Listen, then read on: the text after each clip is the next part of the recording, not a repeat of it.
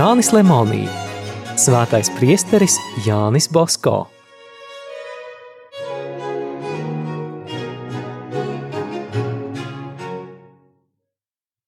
Iesākumā Jānis nesadraudzējās ne ar vienu savu skolas biedru.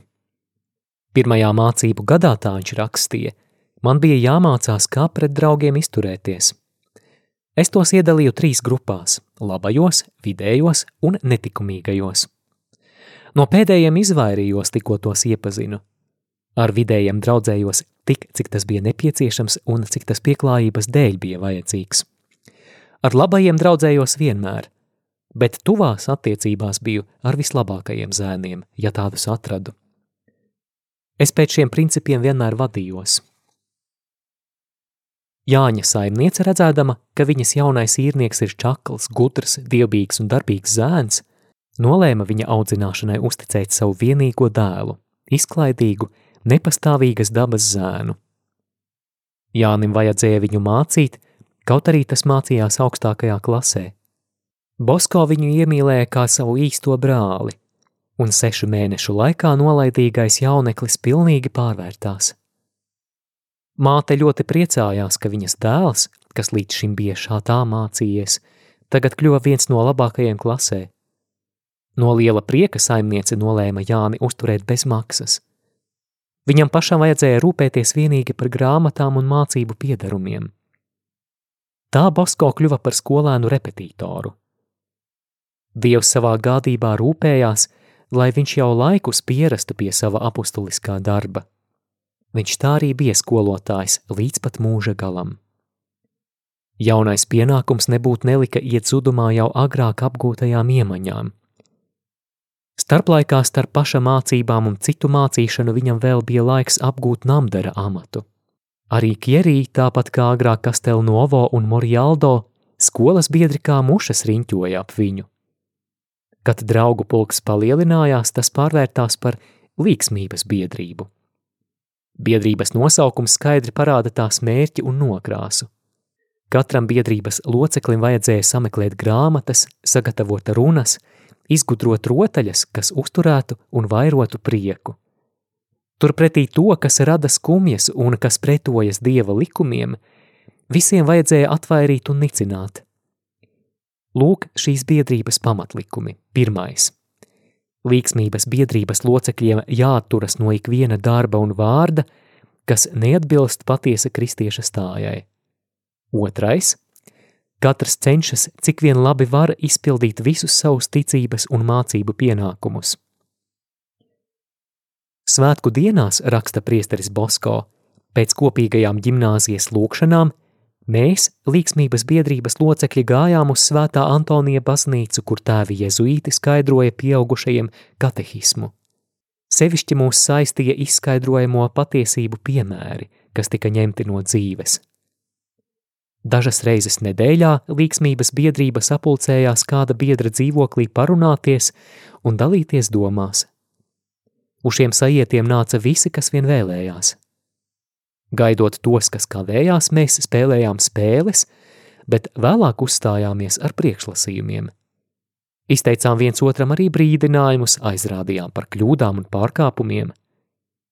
Reizēm visi kopā gājām klausīties sprediķus, pirms svētku dienām visi gājām sūdzēt grēkus, bet svētku rītā pieņēmām svēto komuniju. Tajā laikā ticība tika cienīta arī augstākajās mācību iestādēs – Piemontas karalis Kārlis Alberts, kas atzina ticības izplatīšanu, 1831. gadā izveidoja īpašu komisiju, kas uzraudzīja, lai skolās neiekļūst sabiedrisko kārtību, likumību un ticību aizskaroši raksti. Komisija darbojās rosīgi. Skolotāji kontrolēja mācību grāmatas. Tāda gudra un stingra rīcība, rakstīja priesteris Bosko, darīja daudz laba sabiedrībai, sevišķi jaunatnei.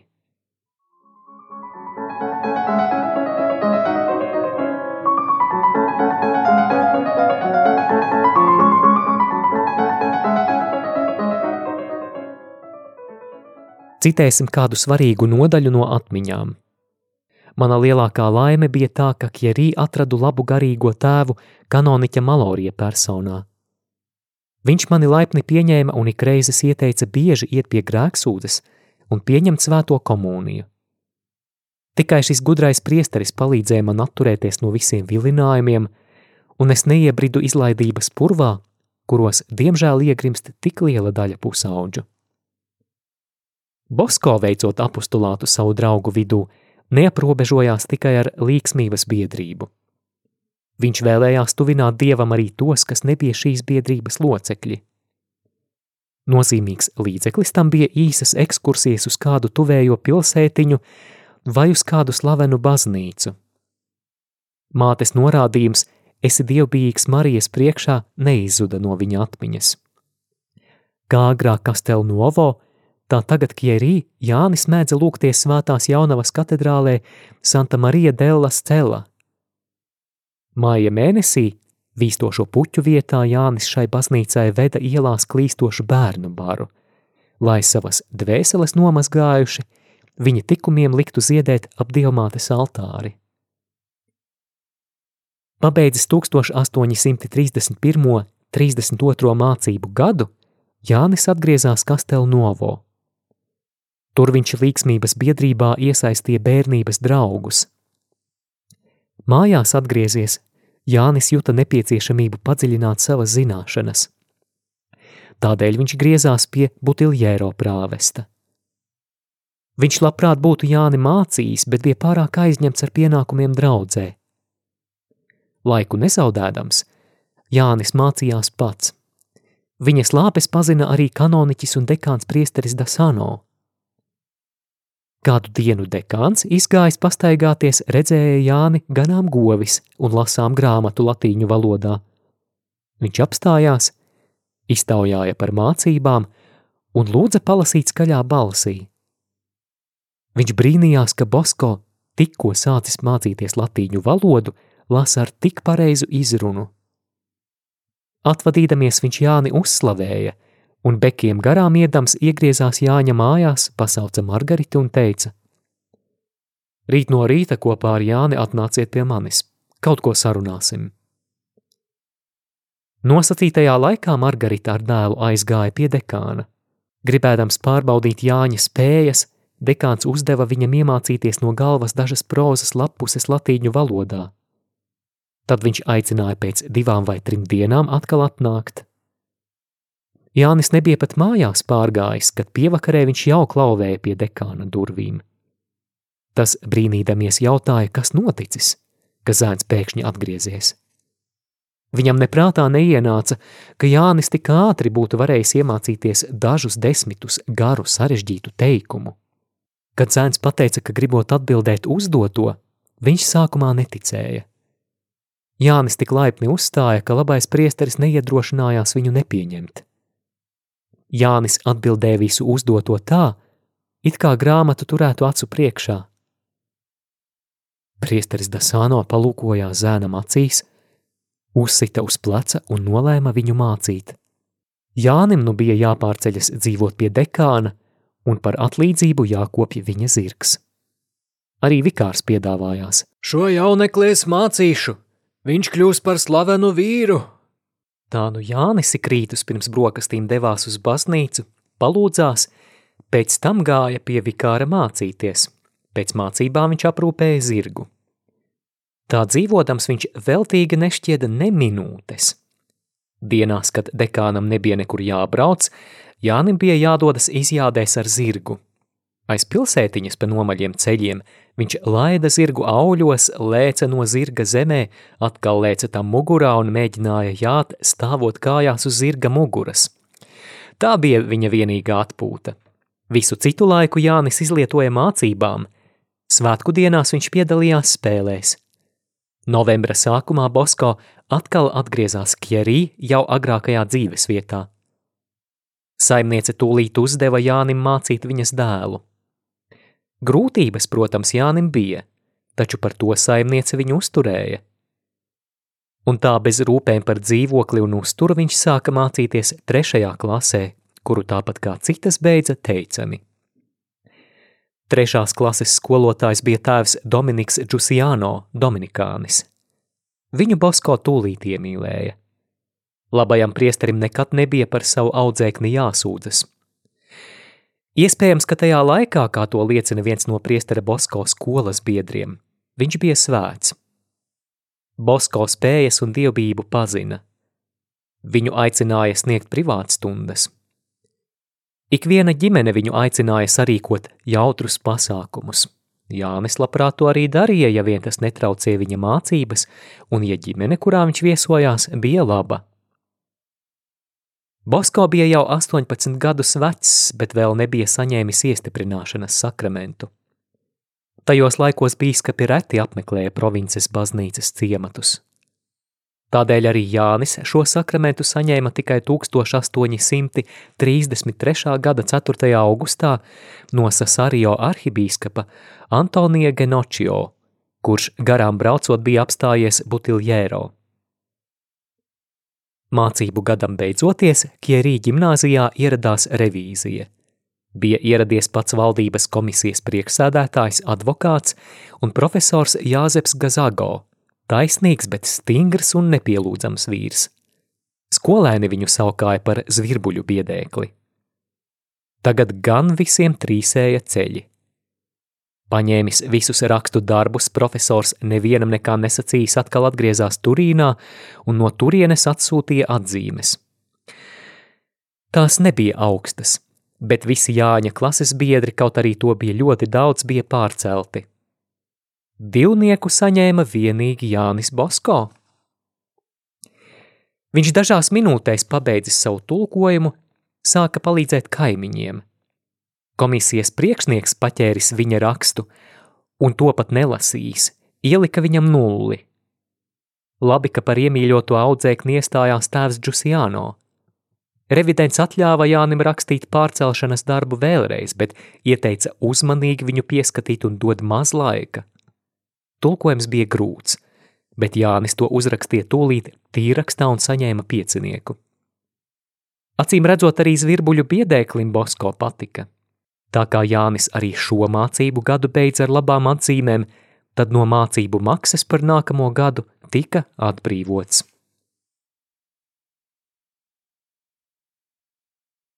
Brīvlaikā, kā parasti, viņš devās uz laukiem – Bekos viņš sāka organizēt svētdienas sajietus. Jānis mācīja bērniem un pieaugušajiem katehismu, lasīt un rakstīt. Atlīdzības vietā skolēniem bija jāiet reizi mēnesī pie grēksūdzes un jāpieņem svētā komunija. Tie bija vakara kursu iedīgļi. To kursu sākums, kas vēlāk priestera Bosko oratorijās ieņēma ievērojumu programmas daļu – Darbdienās viņš gandrīz visu savu laiku veltīja mācībām. Kad galva nogura, viņš devās palīgā brālim Jāzepam, kas strādāja uz lauka, vai arī kaut ko mājās lāpīja, drāza vai kala. Šajā 1833. gada brīvlaikā notika kādi skaisti svētki. Tā bija svētā priestera Jāzepa Kafaso primīcija 22. septembrī, Ļaužu vidū paslēpies Jānis sajūta svētu skaudību, redzot pie dieva altāra ejam tikai četrus gadus par viņu vecāku cilvēku. Tomēr viņa ilgas kļūt par priesteri pēc šī notikuma gandrīz vai atsala. Varbūt pareizāk būtu sacīt, ka pārāk iededzies viņš sāka just bailes. Pārdomājis priesterības cēlumu, priestera augstos un atbildīgos pienākumus, savas dvēseles nabadzību – Bosko viņa paša vārdiem runājot, viss nodrebēja. Viņam likās, ka nespēs izpildīt tādu grūtu, ar pašu dievu noslēgtu derību. Kjerī viņš bieži ciemojās franciskāņu klosterī. Acīgie mūki redzēdami, kas tas par zēnu, nemano centās viņam izlikt cilpas. Arī pats Jānis par to ļoti daudz domāja, jo jau agrāk bija gribējis bēgt no pasaules briesmām. Māte viņam nekā nebija sacījusi, jo ļāva dēlam pašam izlemt par savu aicinājumu. Kad reizēm Jānis par to ieminējās un jautāja, ko viņa vēlētos, gudrā māte atteica: Es tikai to bērns vēlos, lai tu savu dvēseli izpestītu. Tādēļ arī par šo pēdējo nodomu Jānis mātei pat nesacīja. Tomēr savam prāvestam viņš to nevarēja nepasacīt, jo Jānim bija nepieciešams viņa ieteikums – Pēc dažām dienām sākās jaunais mācību gads. Jānim atkal bija rūpes par dzīvošanu, jo Lūcija Mata, dēlam beidzot vidusskolu, bija jau pārcēlusies uz citurieni. Izējā radās.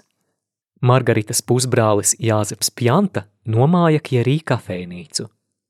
Zinādams, ka Jānis meklē dzīvokli, viņš piedāvāja savējo. Par dzīvošanu Jānim vajadzēja tikai piepalīdzēt kafejnīcā. Tas bija jāpieņem, jo citas iespējas nebija. Vienīgā ērtība bija tā, ka pavisam netālu dzīvoja 4. klases profesors priesteris Bonaudī. Kafejnīca bija maziņa, šaura. Dzīvojamā istabiņā nevarēja pat gultu novietot. Jānim bija salīkušam jāguļ uz nelielas krāsnes. Šis dzīvoklis, viņš raksta, bija ļoti nepatīkams un nedrošs, likumībai bīstams. Labi, ka mani saimnieki bija praktizējoši katoļi, un man bija draugi. Tie man palīdzēja. Jānim dažreiz vajadzēja būt par biljarda spēles tiesnesi. Spēļu zālē neviens viņu neredzēja bez grāmatas. Viens viņa skats pārtrauca neglītās runas.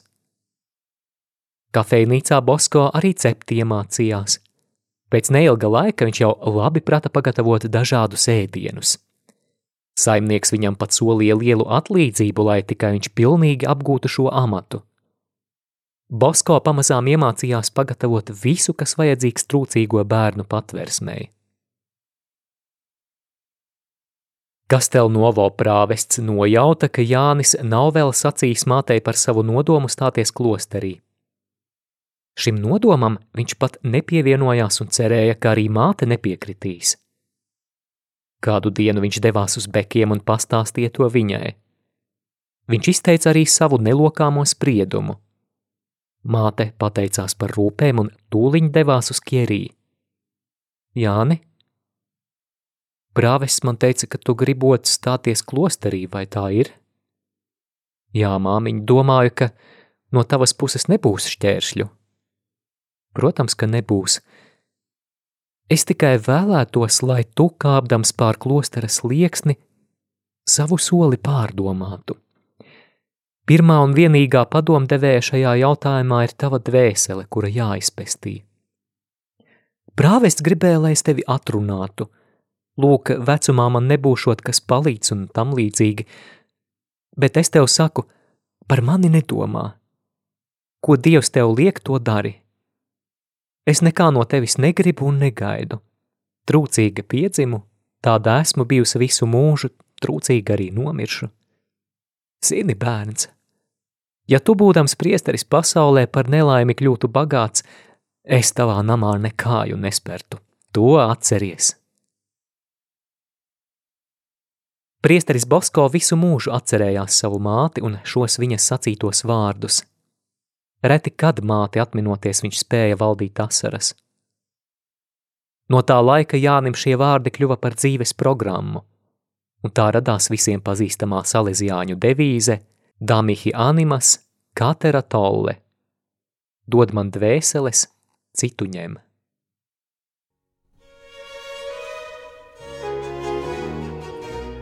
izskanēja lasījums no Jāņa Lemonī grāmatas Svētais priesteris Jānis Bosko.